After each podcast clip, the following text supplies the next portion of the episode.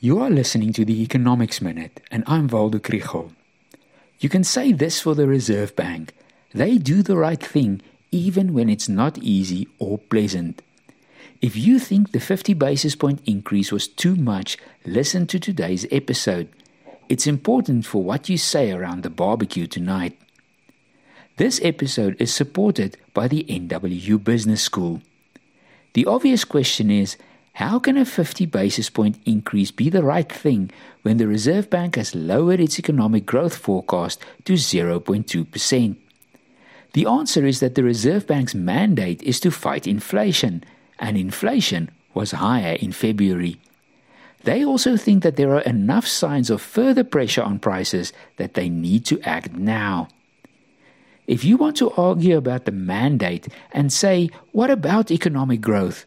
You have to be able to make the case as to why a 25 basis point increase or no increase would contribute to growth. Would it be through consumer spending or through investment? I'm afraid that load shedding holds the trump card here. If you want to say, yes, but this is supply side inflation that cannot be fought with higher interest rates, you have to refute the increases in core inflation and services inflation and inflation expectations. Or you should say, I see those increases, but I don't think it's that bad. Or you should say, because there's no way to fight supply side inflation directly, I suggest we just leave it and hope it goes down on its own. Of course, one can also debate the finer points of how the Reserve Bank weighs the various risks of weaker rand and higher inflation.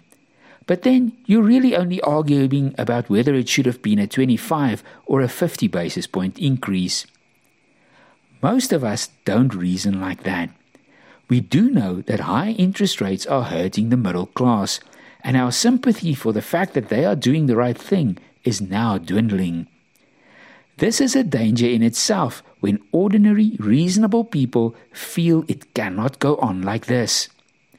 There's already speculation as to whether there's another 25 basis point increase ahead in May.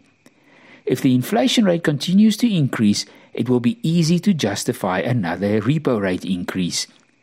If a 2022 basis effect turns up in the March CPI inflation rate and it falls sharply, their case will be much more difficult to make. Maybe that's why they tightened the screws one last time.